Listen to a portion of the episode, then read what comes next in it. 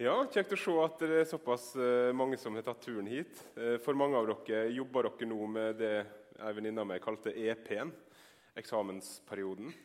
Eh, og for andre igjen, som for meg f.eks., så er det ei tid der oss er ferdig på jobb og går ut i sola. så ja, jeg føler med dere som er midt i EP-en. Jeg har vært der sjøl. Det tar slutt en dag. Nå går serien vår om hebreerbrevet mot slutten. Dette er nest siste hebreerbrevsmøte i vår. Eh, men oss kunne tredobla, firedobla den møteserien uten større problem fordi hebreerbrevet inneholder så utrolig masse. Som Kristian Lilleheim sa når han var tidlig i vår og talte, at den teksten her kunne jeg egentlig hatt en møteveke om. Så det jeg prøver å si er Ikke slutt å lese i hebreerbrevet bare fordi vi er ferdig med hebreerbrevserien her. Fordi det brevet inneholder så masse eh, og ting som er kobla opp mot brevet fra Det gamle testamentet, fra Det nye testamentet. Og så er hele brevet som en stor pil som peker på Jesus. Det er det forfatterne ønsker at vi skal sitte igjen med når vi har lest brevet. Det er en forståelse av hvem Jesus er, og at vi skal følge ham. Så fortsett å lese. Eh, de versene som vi skal snakke om i dag, er på en måte ja, klimakset i hele brevet. Det er alt bygger opp til det. Altså Alt fram til nå har handler om hvem er denne Jesus som oss skal feste blikket på. Og Så kommer disse versene med 'hold blikket festet på Jesus'. Og så går brevet mot en avslutning på en måte etterpå. Eh, jeg skal begynne i på en måte den nære sammenhengen. Fordi Kari Helene snakka om en tekst som er helt klint oppi den teksten. her. Så jeg vil gjerne starte med å lese fra Hebreerne 11. Dere kan godt slå opp enten på mobil eller, eh, eller hvis dere har med dere Bibelen. Hebreerne 11, eh, 32 og videre. Og hva mer skal jeg nevne? Tida strekker ikke til om jeg skal fortelle om Gideon, Barak, Samson og Jefta om David, Samuel og profetene. Ved tru vant de over kongeriket, helt oppe retten, fikk løftet oppfylt, lukka gapet på løvet, slukte veldig ild, slapp unna bitende sverd, gikk fra vannmakt til styrke, ble sterke i krig og slo fiendehærer på flukt.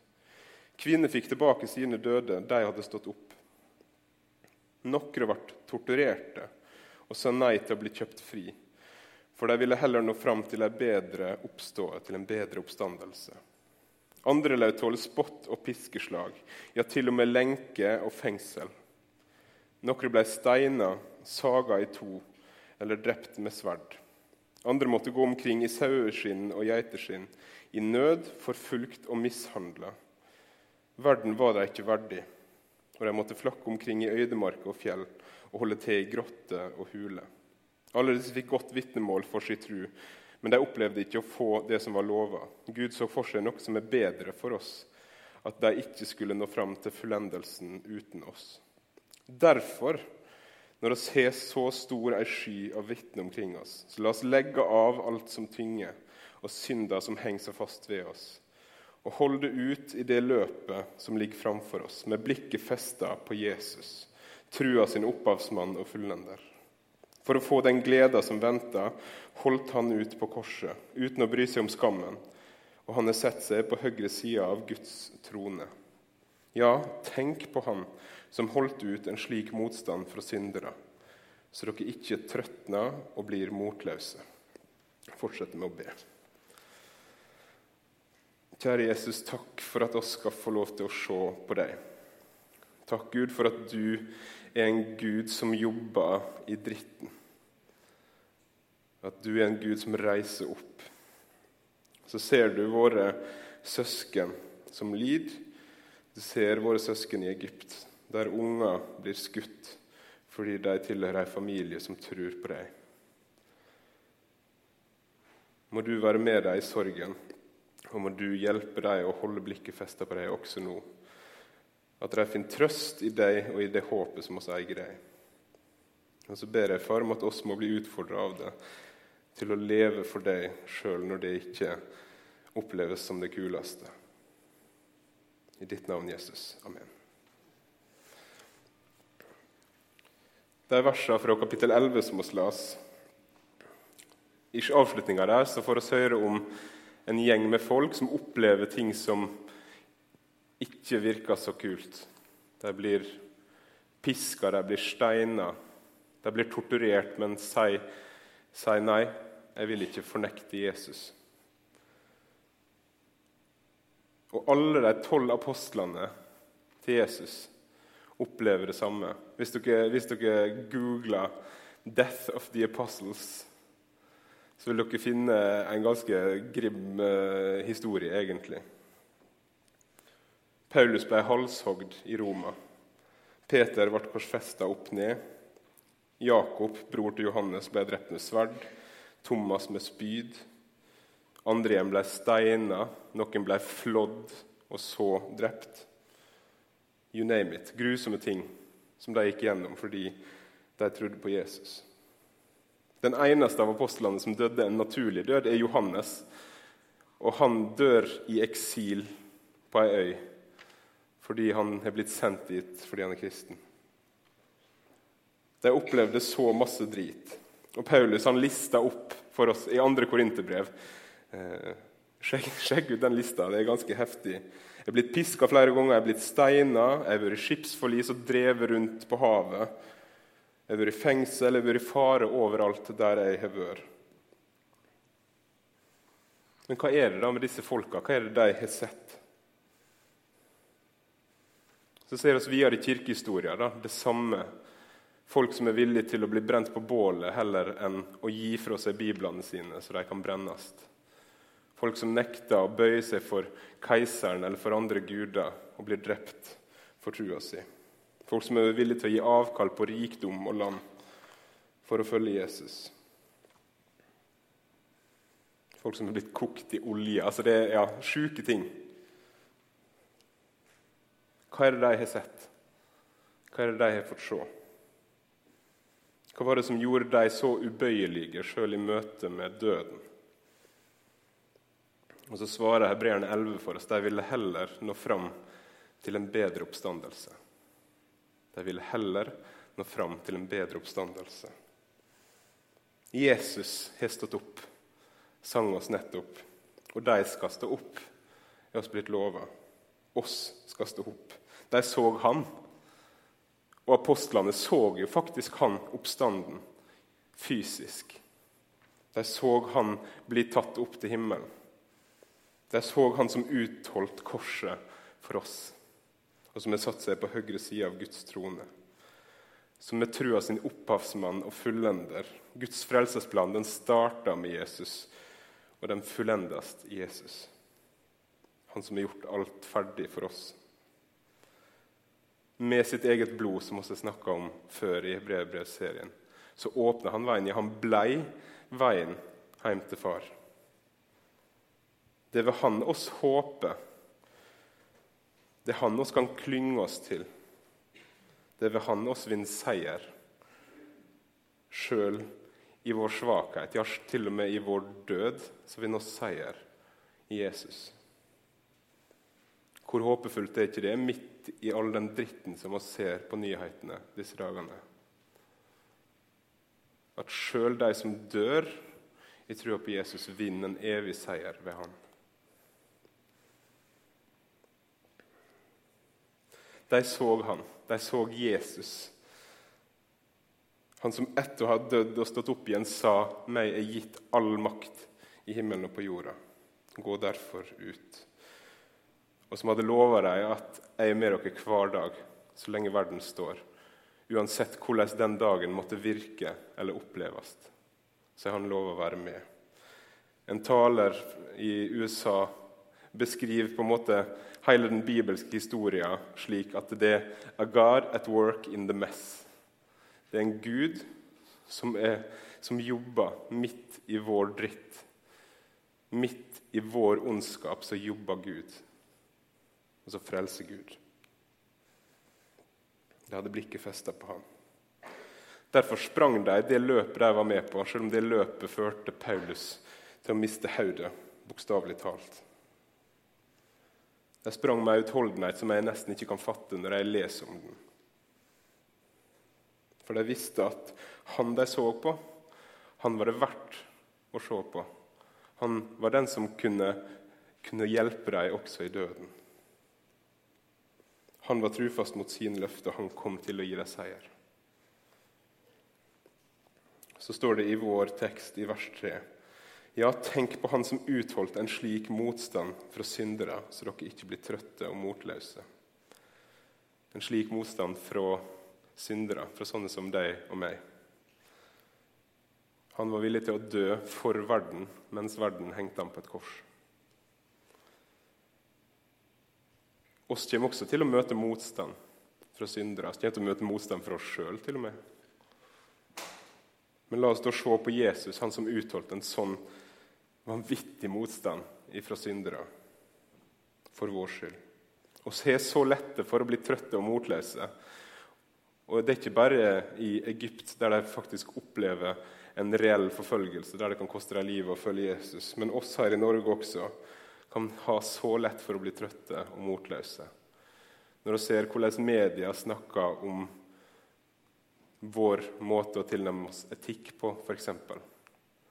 Eller når de angriper Bibelen, eller når de angriper det at Gud i det hele tatt eksisterer, så er det så lett for å se på oss sjøl og synes synd på oss sjøl.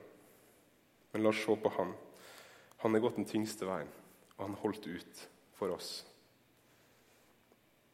Paulus, som vi snakka om, sier i Romerne 8.: Jeg mener at det oss må lide i den tida som nå er, ikke kan regnes som noe mot den herligheten som en gang skal åpenbares og bli vår.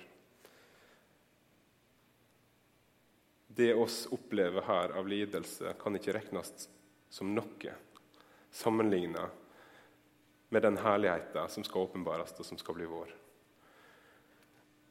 Og Paulus sier ikke dette eh, som en sånn der eh, sucker up. Og I hebreerbrevet også så møtes ikke en sånn 'Dere har allerede vunnet, så skjerp dere. Slutt å syte.' Og så møter istedenfor en Jesus som vet at oss kan ha det vondt, og som kan lide med oss i vår svakhet.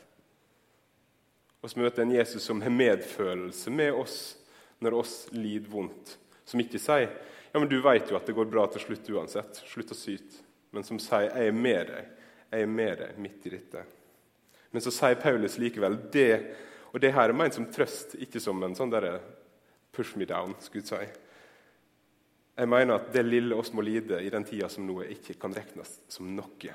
Det sier ikke noe om våre lidelser, men det sier noe om den herligheten som oss har i vente. Det sier noe om den evigheten som oss skal eie. Tenk hvordan det skal bli. Oss kjenner Han som har seira over alt, over alle makter og herredømme, som er kledd deg naken til spott og spe på korset, og som har sagt 'Jeg vil ha dere som mine barn'. Og så er det Paulus som sier det. og Det finner jeg en viss trøst i. Han har en viss integritet når han sier disse ordene, Paulus. Han som jeg nettopp sa har lista opp. Jeg er blitt piska flere ganger, jeg har sittet i fengsel, jeg har litt skipbrudd. En gang steina de meg så de trodde jeg var død. Jeg måtte jo være død, så masse som de hadde steina meg, men så overlevde jeg. Han sier det med en viss integritet når han snakker om lidelse. Og så sier han det er ingenting i forhold til det som ligger foran oss. Det er stort.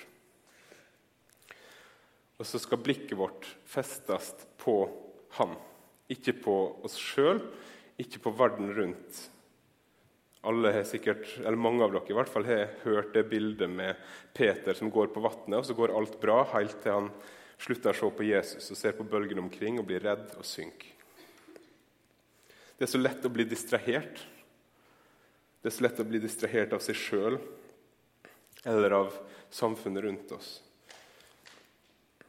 Og det er der fellesskapet, det er der det jeg ser på nå, skal komme oss til hjelp.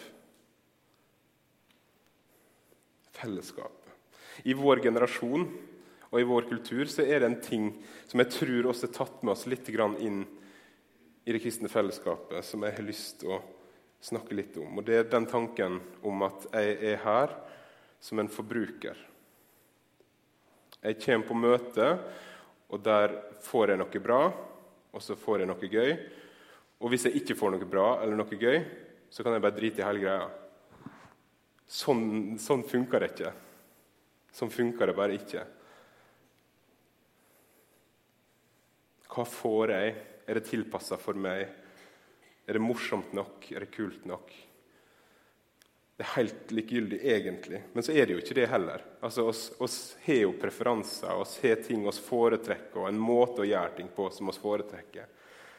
Men det er ikke det viktigste. Fellesskapet er her sånn at oss sammen skal vende blikket vårt mot Jesus og mot de rundt oss som ikke kjenner Han. Ikke så oss hele tida skal få nære oss sjøl. Hva får jeg? What's in it for me? Nei, nå får jeg ikke noe lenger. Da snakkes aldri.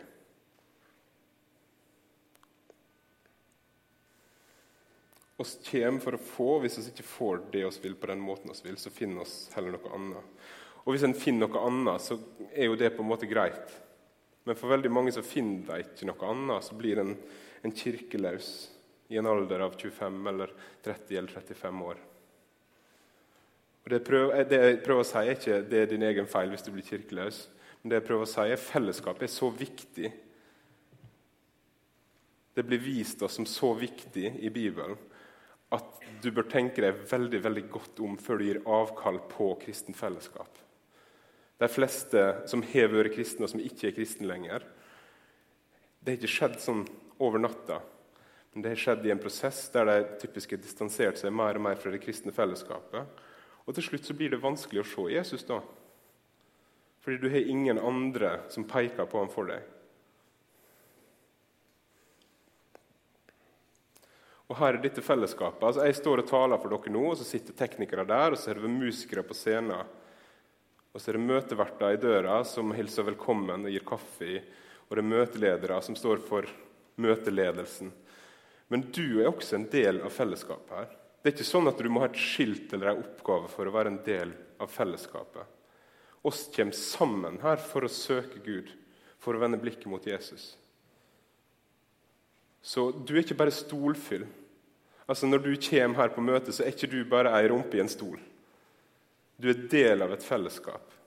Du er en del av fellesskapet. Du er en som peker se på Jesus for de andre som du sitter rundt, for de andre som er her. Fellesskap handler ikke først og fremst om oppgaver, selv om vi er kalt til å tjene hverandre. Så trenger ikke det å være en av de boksene som oss har her i misjonssalen for, for tjenestegruppe. Du er her, du er en del av fellesskapet. Du er ikke bare stolfyll. Og så er du ikke her, forhåpentligvis i hvert fall, da, som et alternativ til et eller annet annet. Som et alternativ til noe annet underholdningsgreier. Fordi jeg er ikke i underholdningsbransjen. Sorry hvis det er overraskende for noen av dere. Jeg er ikke i underholdningsbransjen. Oss er ikke underholdningsbransjen. Oss er oss vil komme sammen for å søke Gud-bransjen. Og Det er en helt annen ting. Og da er ikke du bare stolfyll. Du er del av et fellesskap som kommer fram for Gud, som ønsker å kjenne Han, som ønsker å tilbe Han. Som ønsker å ære Han og lære av Han og om Han i Hans ord. Sammen. Og Uten et sånt fellesskap av brødre og søstre så er det vanskelig å leve som kristen. Det er vanskelig å holde blikket festa på Jesus hvis det er bare du som skal gjøre det.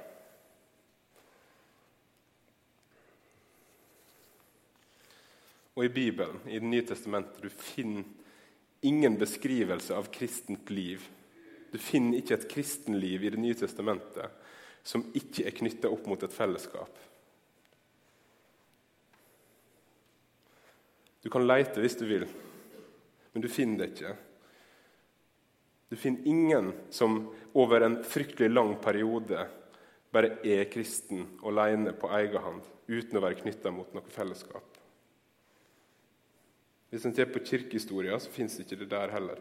Når kristne havna i fengsel i Romerriket, så var det folk fra kirkene som kom springende på besøk til dem for å fortelle dem noe av det de hadde gått gjennom den veka, Som til og med tok med seg brød og vin for å gi dem nattverd gjennom gitteret i fengselet.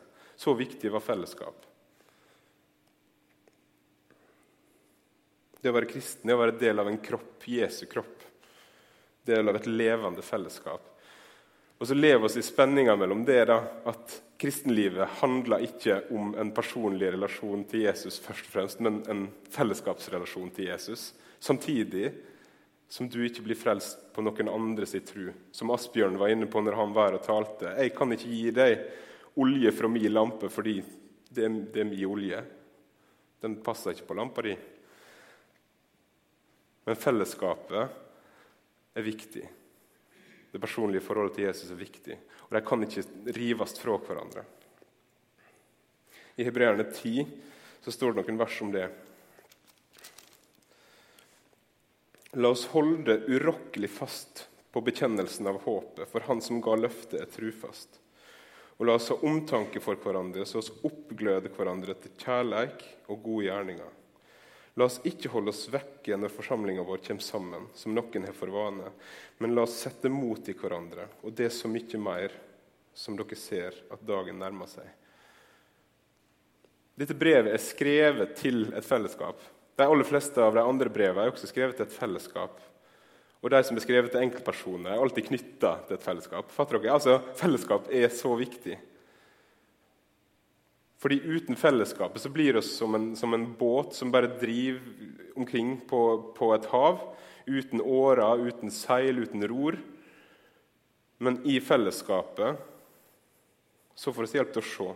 Så får vi hjelp til å peile ut retninga. Så får vi hjelp til å se Jesus.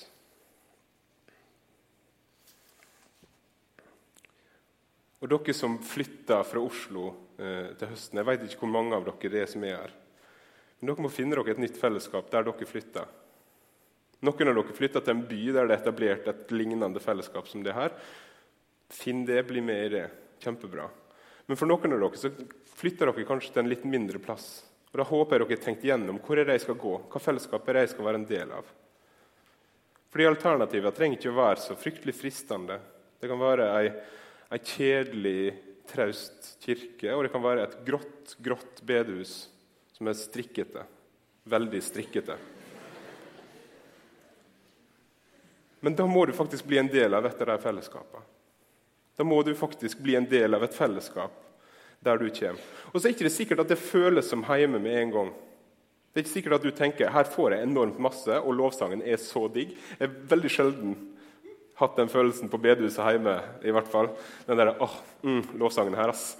Eh, men da må du gjøre dette hjemme. Da må du være med og gjøre dette hjemme. Da må du tenke mindre Nei, her får jeg ingenting, så da går jeg. Og tenke mer Her får jeg ingenting, så det må jeg gjøre noe med.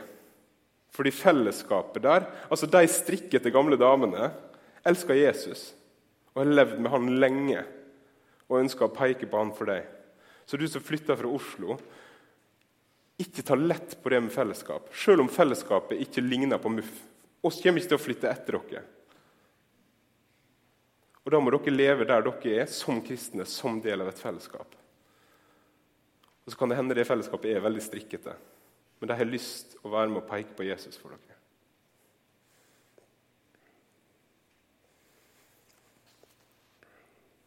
Tilbake til de versene som oss leser om i dag. Som jeg nevnte helt i starten, så er disse versene som et klimaks for hele brevet. Fram til dette så har forfatteren prøvd å gi oss en beskrivelse av hvem er denne Jesus Hvem er denne Jesus som vi skal feste blikket vårt på? Og hvem er han, da? Hvem er Jesus som vi skal feste blikket vårt på, ifølge hebreerbrevet? Jo, for å starte i de første kapitlene Det er han som er større enn alle andre mennesker. Han som er større enn alle profeter som Gud har sendt før. Det er han som er større enn alle englene. Det er han som Gud sendte for å bringe mange sønner og døtre til herlighet. For å hente mange sønner og døtre hjem til seg. Og som ikke skammer seg over å kalle oss sine søsken.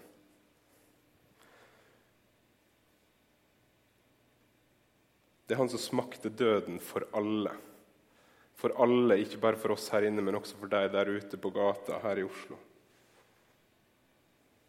Det er han som er prøvd i alt på samme måte som oss, men uten synd. Han som har opplevd alt det vil si å være et menneske, både på bra og på dritdårlig.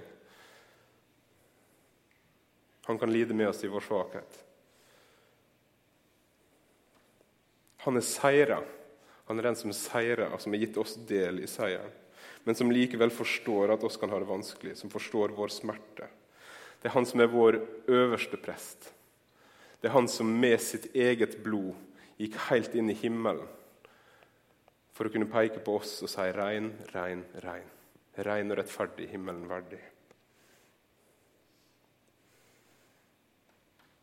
Det er han som en gang for alle ble et fullkomment offer for synd. Slik at oss ikke lenger trenger å gå nedbøyde i skam, men kan tjene Gud. Det er han som sjøl er veien inn til far, og som gitt oss rett til å kalle oss Guds barn. Det er han som har tålt all den dritten verden og oss mennesker kunne kaste på han, og det var en hel del. Han døde på et kors for oss, for å bringe oss til seg. Og så er det han som sitter ved Guds høyre hand, og som fortsatt er menneskesønnen. Det navnet som han likte å bruke om seg sjøl når han gikk her omkring på jorda. Han er fortsatt menneskesønn. Han er fortsatt menneske. Og Det gir oss håp om at oss mennesker kan få komme inn i himmelen. Fordi det er en av oss akkurat nå der oppe som taler vår sak for Gud. Og blodet hans det har vaska oss helt rene for alt det som stengte ute fra før. Det er han vi skal feste blikket vårt på. Det er han oss kan stole på. Det er han som er vårt håp. Han er den som skal gi oss seier til slutt. Seier over døden, seier over djevelen, seier over synda. Og Tenk litt på akkurat det til slutt. Og skal en dag gå inn på den nye jorda som Gud har gjort i stand for oss. Og Da skal vi oppleve den friheten som vi allerede eier. Vi er allerede satt fri men så opplever vi fortsatt at livet kan være en skikkelig kamp mellom det oss vil, og det oss ikke vil. Og så Av og til så bytter de plass også. Av og til så vil oss det som er vondt, og så angrer oss. Det er så masse som skulle være ugjort. Det er så masse som, som vi ikke skulle sagt, ikke skulle tenkt, ikke skulle gjort. Men en dag der, på den nye jorda, så skal ikke det være noen kamp lenger. Da skal ikke det være noen kamp, fordi på den nye jorda, i himmelen, der skal oss være helt frie. Med andre ord, du skal få lov til å gjøre akkurat det du vil. Akkurat det du vil, skal du få gjøre i himmelen. Og så kommer det til å være i samsvar med Guds vilje. Tenk den friheten. Du kan gjøre akkurat det du vil, og alt kommer til å være godt i Guds øyne. Alt kommer til å være i samsvar med hans vilje. Det er frihet. Ingenting. Vi skal gjøre akkurat det vi vil, og så skal vi aldri se oss tilbake og tenke åh, sjukt dumt at jeg gjorde det. Der såra jeg han, eller der såra jeg hun. Aldri mer. Helt frie. Hvis oss den lille tida oss er her på jorda, holder blikket festa på Jesus. Så la oss da, søsken, når oss har en sånn sky av vitner omkring oss, av brødre og søstre som har gått foran oss, og som har vist oss veien, og som har peka på Han, legge av det som tynger, og synder som henger så fast ved oss, og fullføre det løpet som ligger foran oss, med utholdenhet. Fordi oss ser Han. Fordi oss ser Jesus. Fordi oss er blikket festa på Han. Jeg skal be til slutt. Kjære Jesus, takk at du kom. Takk for ditt ord til oss. Takk at vi skal få lov til å bli kjent med det der og få se dypere og dypere inn i det du har gjort for oss, og det du har gjort klart for oss. Takk at du har gitt oss et evig håp. Takk at vi skal få leve ei evighet sammen med deg i frihet, i sann frihet, der det ikke lenger skal være kamp der det ikke lenger skal være gråt, der det ikke skal lenger skal være noen som blir drept fordi de tror på deg, fordi de skal alle kjenne deg. Må du føre oss fram dit. Må du hjelpe oss til å rettlede hverandre, til å oppmuntre hverandre. Og må du hjelpe oss oss alltid, der oss fær, søke mot fellesskap med andre som tror på deg. Slik at oss alltid kan ha noen som peker. Se på ham, se på Jesus.